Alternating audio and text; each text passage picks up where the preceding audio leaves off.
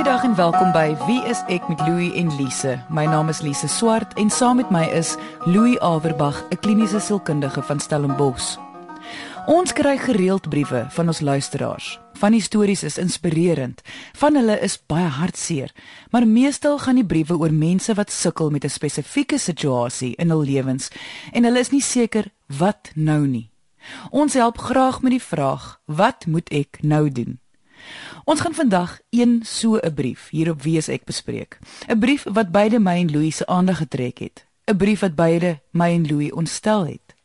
Die brief is aan ons gestuur deur 'n anonieme skrywer en alhoewel Louis al die persoon geantwoord het en daar al gereelde kommunikasie tussen hom en die skrywer was, voel ons dat hierdie persoon se storie baie meer algemeen is as wat ons as 'n samelewing dit sou wou verkies. Die brief is geskryf deur 'n 18-jarige meisie 'n Stemkunstenaar sal nou vir ons die brief voorlees. Ek herhaal, die stem wat julle gaan hoor is nie die stem van die meisie nie. Goeiedag Louie en Lise. Ek voel vreeslik alleen en weet nie meer wat om te doen omtrent die situasie nie. Ek is 18 jaar oud en 'n jaar gelede is ek deur my beste vriend verkrag. Ons was by 'n braai en toe almal huis toe is, het dit gebeur. Ek het eers vir niemand vertel nie, Maar na 'n week kon ek dit nie meer inhou nie en vertel toe vir my ma. Sy het vir my gelag. Sy het gesê ek het myself verbeel dat my vriend kom uit 'n goeie familie en dat hy nooit so iets sou doen nie. Omdat ek 3 biere die aand gedrink het, glo sy ek is te mekaar en het myself verbeel. Ek weet dit het gebeur. Ek het nog nooit weer met hom gepraat nie. Hy het my van daardie aand af heeltemal geïgnoreer. Ek het probeer om met hom te praat daaroor, maar hy maak asof ek nie bestaan nie. Ek wil net verstaan wat ek verkeerd gedoen het. Dit is nou 'n jaar later en dit voel vir my alles is besig om hand uit te ruk. Ek kan nie slaap nie, ek is te bang om te gaan slaap. Ek droom vreeslike goed. Ek het nie meer vriende nie want ek kan nie luister na hulle stories oor klere en make-up nie. Dit voel konstant asof ek nie kan asem kry nie. Ek haat myself. Ek probeer om elke dag al die detail van daardie aand te onthou. Ek wil dit nie vergeet nie. Ek wil myself herinner wat ek verkeerd gedoen het en wat ek moet doen om nooit weer in so 'n situasie te kom nie. Ek kan nooit vir iemand hiervan vertel nie want niemand sal my glo nie. Ek hoop julle glo my. Hoe kan ek oor dit alles kom om net nie meer so alleen te voel nie? Dankie. Anoniem. Louis, hoekom was dit vir jou so belangrik dat ons spesifiek hierdie brief moet bespreek in 'n aparte episode? Omdat hierdie tipe dinge meer gebeur as wat mens besef die sogenaamde afspraakverkrachting of date rape en dit is hoe dit vir my hierna klink is iets wat regtig nogal baie gebeur nê nee. en dan het ons nou te doen hier met 'n jong dame wat die slagoffer is hiervan wat regtig duidelik baie swaar kry en hierdie is vir enige iemand 'n geweldige trauma hmm. nog meer vir iemand wat 'n tiener is wat aan die begin van haar volwasse lewe staan so ja ons samelewing sukkel met hierdie voorkoms van hierdie insidente en dit is regtig eenvoudig net nie aanvaarbaar nie. Wanneer ek die brief lees, sien ek soveel onderwerpe wat ons vandag sal moet aanraak om haar eintlike vraag oor alleenheid aan te spreek. Daar is die verkrachting, haar ma wat nie vir haar wil glo nie, die vriend tussen aanhalingstekens wat nie met haar wil praat nie, sy wat duidelik onttrek het van haar lewe en maats en natuurlik die emosionele effek wat die verkrachting op haar daaglikse lewe het. So kom ons vat alles van 'n kant af en werk dit deur. Die verkrachting op 'n emosionele vlak. Is dit 'n probleem dat sy gewag het voor sy vir iemand gesê het of dat sy nie na haar ma se reaksie vir iemand anders gaan vertel het nie? Ja, dit is natuurlik 'n probleem. Maar nou wil mens dit vra. Jy weet, as jy eie ma dan nou vir jou lag of jou nie wil glo nie, vir wie anders sal jy nou vertel? So mens kan nou nie kwaadlik neem dat sy nou nie vir nog iemand gaan vertel het en gaan hulp soek het nie, nê. Nee. En dit is dan wat die alleenheid veroorsaak. Sy sê sy voel baie alleen want sy sit met hierdie verskriklike geheim en dis 'n geweldige geheim. En natuurlik sal mens alleen voel as jy voel jy is gedwing om dit vir jouself te hou. So wat jy sê is in hierdie situasie is dit die geheim wat die alleenheid veroorsaak. Ja, ja, want haar eie oordeel word betwyfel hierso. Wat presies is die gevaar wanneer dit kom by verkrachting en 'n slagoffer se gemoed? Wel die eerste ooglopende gevaar is trauma, sielkundige trauma. Met ander woorde dat jou liggaam in 'n veg of vlug reaksie gaan en die gebeure na die tyd herbeleef om jouself te beskerm, maar dat jy dan ook die negatiewe gevolge dra van hierdie herbelewenis. Dit is die eerste duidelike gevaar. En dan natuurlik omdat mens 'n slagoffer word met verkrachting, jou beheer word weggeneem. Kan dit lanktermyn lei tot 'n baie moedeloosheid, nê, nee, tot 'n vorm van depressie, veral as die trauma groot is en mens elke dag daarmee moet sukkel. So ja, hierdie het, het groot implikasie. So voor die hand liggend soos wat dit sal klink, wil ek net hê dat jy as kliniese sielkundige moet die volgende bevestig: dat iemand wat in 'n traumatiese situasie was, is daar niks meer verkeerd dat hulle gemoed of hulle emosies daardeur aangeraak word nie. Absoluut. Jy weet in 'n meeste gevalle sal mens sê maar dit is eintlik normaal dat jou gemoed aangetast word. daarmee is daar niks verkeerd nie. Dit is dan wat mens daarmee doen wat gaan bepaal of dit vir jou gaan werk of nie. Jy luister na Wie is ek met Louie en Lise op RSG 100 tot 104 FM. Ek het eers vir niemand vertel nie, maar na 'n week kon ek dit nie meer inhou nie en vertel toe vir my ma. Sy het vir my gelag. Sy het gesê ek het myself verbeel dat my vriend kom uit 'n goeie familie en dat hy nooit so iets sou doen nie. Omdat ek 3 biere die aand gedrink het, glo sy ek is te mekaar en het myself verbeel. Ek glo vir die meeste mense sal hierdie deel van die brief ook die skokkendste deel wees, dat haar eie ma vir haar gelag het en haar nog probeer ooreed het dat sy haarself verbeel. Ja, dit klink totaal bizar, nê. Nee. Maar die eienaardigheid hiervan is dat hierdie gebeur baie. En dit beteken nie noodwendig dat haar ma 'n nare heks is wat haar uitgelag het en haar verbly het in haar dogter se smart nie. Ek sien baie dat hierdie ding gebeur dat mense in 'n splitsekonde amper 'n besluit moet maak omdat die implikasies te veel is. Hmm. Vir wat sal die gevolg wees as ek as ma dan nou moet sê goed, kom ons hanteer hierdie ding. Dan moet ons polisie toe gaan. Dit is 'n groot ding. En baie mense kies dan sonder dat hulle regtig mooi daaroor dink om dit sommer gou-gou net af te maak. Dan is die implikasies nie so erg wat hanteer moet word nie. Maar ons moet dan net terugkom na die punt toe dat dit onaanvaarbaar is as jy na jou ouers toe gaan en sê dit het met my gebeur en jou ma sê vir jou nee wat man dit is nie so erg nie.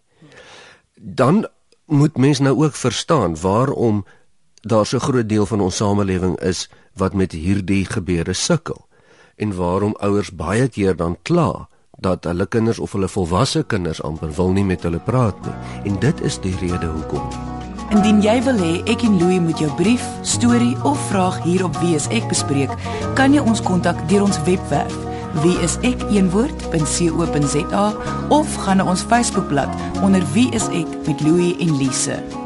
Onthou alle briewe wat bespreek word sal anoniem bly.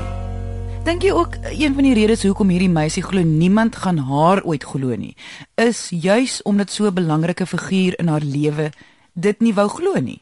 Natuurlik. En enige persoon kan hom of haarself daarin verbeel. Wie anders sal jy dan nou benader as jou as jou ma jou nie wil glo nie. Maar gaan hierdie meisie se vertroue in mense nie vir die res van haar lewe geskaad wees nie. Ek bedoel, hoe belangrik is vertroue in ander mense en sou dit iets wees waarin sy ek wil amper sê dadelik moet aandag gee. Ja, hierdie ding het 'n groot implikasie. Dit is nie noodwendig die vertroue in ander mense wat hierdie probleem is nie, want ons almal weet tog mense is feilbaar, mense kan foute maak. Dit gaan oor basiese vertroue. En basiese vertroue is 'n sielkundige konsep wat ons almal nodig het. Eintlik weet ons almal dat Ons is nie eintlik so veilig as wat ons dink ons is nie. Selfs die stoel waarop ons sit kan breek en ons kan onsself beseer. Die geboue waarin ons sit, se dakke kan inval en ons kan almal dood wees. Dit is wel teoreties moontlik. Hmm. As ons in 'n motorkar klim en ons ry ergens heen, is daar tog 'n risiko dat ons kan verongeluk en kan doodgaan. Maar ons kan nie so leef nie. Ons moet leef asof dinge redelik oukei okay is, nê? Nee. En ons noem dit basiese vertroue. Hmm. En ons almal het 'n vlak van basiese vertroue nodig om te leef. Anders kan ons nie deur die lewe kom nie. Ons sal te angstig wees. En as so 'n tipe trauma met mens gebeur, pas tas dit baie duidelik mense basiese vertroue aan. En dit is waarom dit vir haar baie belangrik sal wees om haar basiese vertroue te herstel. Sy het geen ander opsie nie.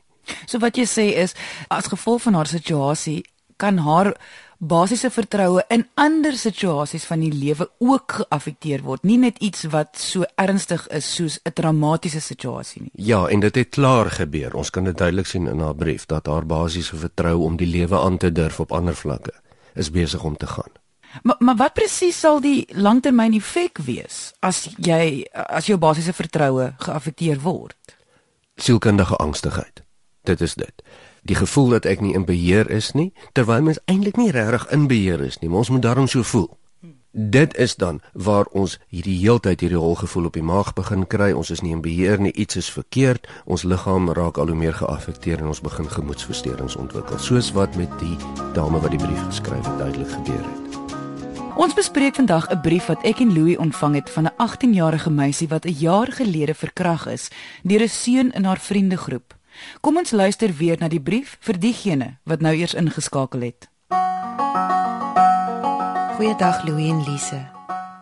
Ek voel vreeslik alleen en weet nie meer wat om te doen omtrent die situasie nie. Ek is 18 jaar oud en 'n jaar gelede is ek deur my beste vriend verkragt. Ons was by 'n braai en toe almal huis toe is, het dit gebeur. Ek het eers vir niemand vertel nie, maar na 'n week kon ek dit nie meer inhou nie en vertel toe vir my ma. Sy het vir my gelag. Sy het gesê ek het myself verbeel dat my vriend kom uit 'n goeie familie en dat hy nooit so iets sou doen nie.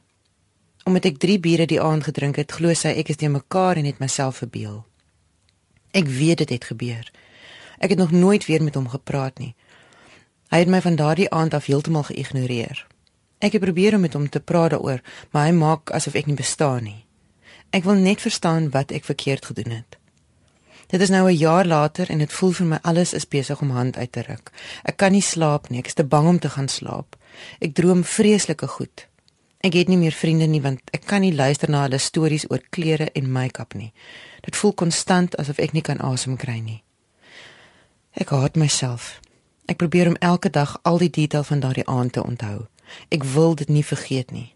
Ek wil myself herinner wat ek verkeerd gedoen het en wat ek moet doen om nooit weer in so 'n situasie te kom nie. Ek kan nooit vir iemand hiervan vertel nie want niemand sal my glo nie. Ek hoop julle glo my. Hoe kan ek oor dit alles kom om net nie meer so alleen te voel nie? Dankie. Anoniem. Voor die advertensiebreek het ons gesels oor die emosionele implikasies van verkrachting. Ons het die meisie se ma se reaksie bespreek. Indien jy weer na vandag se program wil luister, kan jy op RSG se webwerf na die pot gooi gaan luister. Dit is rsg.co.za. Soek vir Wie is ek en kies 'n episode volgens die uitsaai datum. Louis in vorige episode wat eh, gehandel het oor situasies wat spesifiek trauma veroorsaak, het ons altyd gepraat oor die belang van verstaan of om die betekenis in 'n situasie te vind. Kan jy net vir ons meer vertel van wat betekenis is en watter verskil daardie kennis vir jou kan maak? As ons dit op haar situasie kan van toepassing maak, dit gaan oor die verklaring van hoekom het dit met my gebeur. En dit kan op 'n baie basiese vlak wees van ek was in op die verkeerde plek in die verkeerde tyd of dit kan 'n baie filosofiese verklaring wees wat mens vir jouself gee. Dit is die pad wat ek moes loop. Daar's betekenis in hierdie dinge wat met my gebeur. Daar's 'n doel daarvoor ensovoorts ensovoorts. Dit is ons eie betekenis. In hierdie geval het hierdie meisie gekom en sy het gesê maar haar verklaring is ek het duidelik iets verkeerd gedoen. En dis wat sy dan in haar gedagtes herbesoek. Wat het ek verkeerd gedoen dat ek dit nie weer hoef te kan doen nie? Haar verstaan in hierdie geval is 'n baie gevaarlike ene wat vir haar groot skade kan inhou vir die toekoms. Deurdat sy dan sê, "Goed, ek het seker maar iets verkeerd gedoen. Hierdie is my skuld." Maar hoe gaan enige iemand weet of hulle betekenis in 'n situasie of hulle verklaring reg of verkeerd is? Kyk, dit is 'n baie relevante vraag en dit is natuurlik altyd goed om selfondersoek te doen. Dit is mos 'n baie gesonde beginsel om in jou gedagtes te gaan en te sê, "Goed, waar was ek dalk aandadig in hierdie situasie al het ek dit nie so bedoel nie. Uh, wat kon ek anders gedoen het? Hoe kon ek ook verantwoordelikheid geneem het of of dalk beter dinge hanteer het? Dit is natuurlik so. Die gevaar wat baie keer gebeur met hierdie situasies is dat die persoon wat die slagoffer was, die dametjie in hierdie geval, hmm. begin in hierdie onsekerheid inraak van weet jy ek is seker maar half my skuld ook en jy weet ek het seker ook dit maar veroorsaak. En ons kan mos nou nie in 'n samelewing leef waar mens onsekerheid het want as jy nie wil seksueel deelneem nie en dit gebeur dan wel dat jy aandadig daaraan voel nie. Dit is mos dan 'n oortreding van buite af. So jy sê amper mens moet so half logika kan inspann dat as dit jy nie wou gehad het dit moet met jou gebeur nie dan moes dit nie gebeur het nie. Absoluut. So wat sê ons ons leef in 'n samelewing waar ons nie kan keer dat verkrachting kan plaasvind nie. Maar as jy nie wou gehad het dit moet gebeur nie en dit het nog steeds gebeur, dan is dit iemand anders wat dit kom doen het, dis nie jy nie. Sou mens kon sê dat sy ervaar al posttraumatiese stres simptome. Ja, dis nou moeilik om te sê net op grond van 'n brief, maar dit klink tog so, nê. Nee. Maar mens stel tog duidelik die aanwesigheid van angssimptome op. So kom ons luister net gou weer na waar sy verduidelik van hoe sy nie kan slaap nie.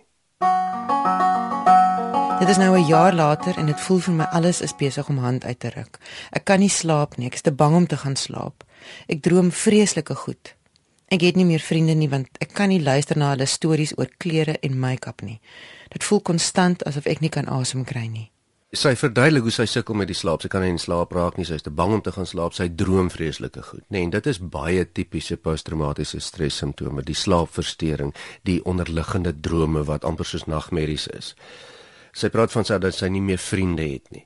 Sy neem nie meer deel aan die gesprekke waaraan sy deelgeneem het nie. 'n Baie duidelike onttrekking van alledaagse sosiale aktiwiteite af en dan voel dit ook konstant of sy nie kan asem kry nie. Nou dit is 'n baie duidelike uitbeelding van 'n angstigheidssimptoom.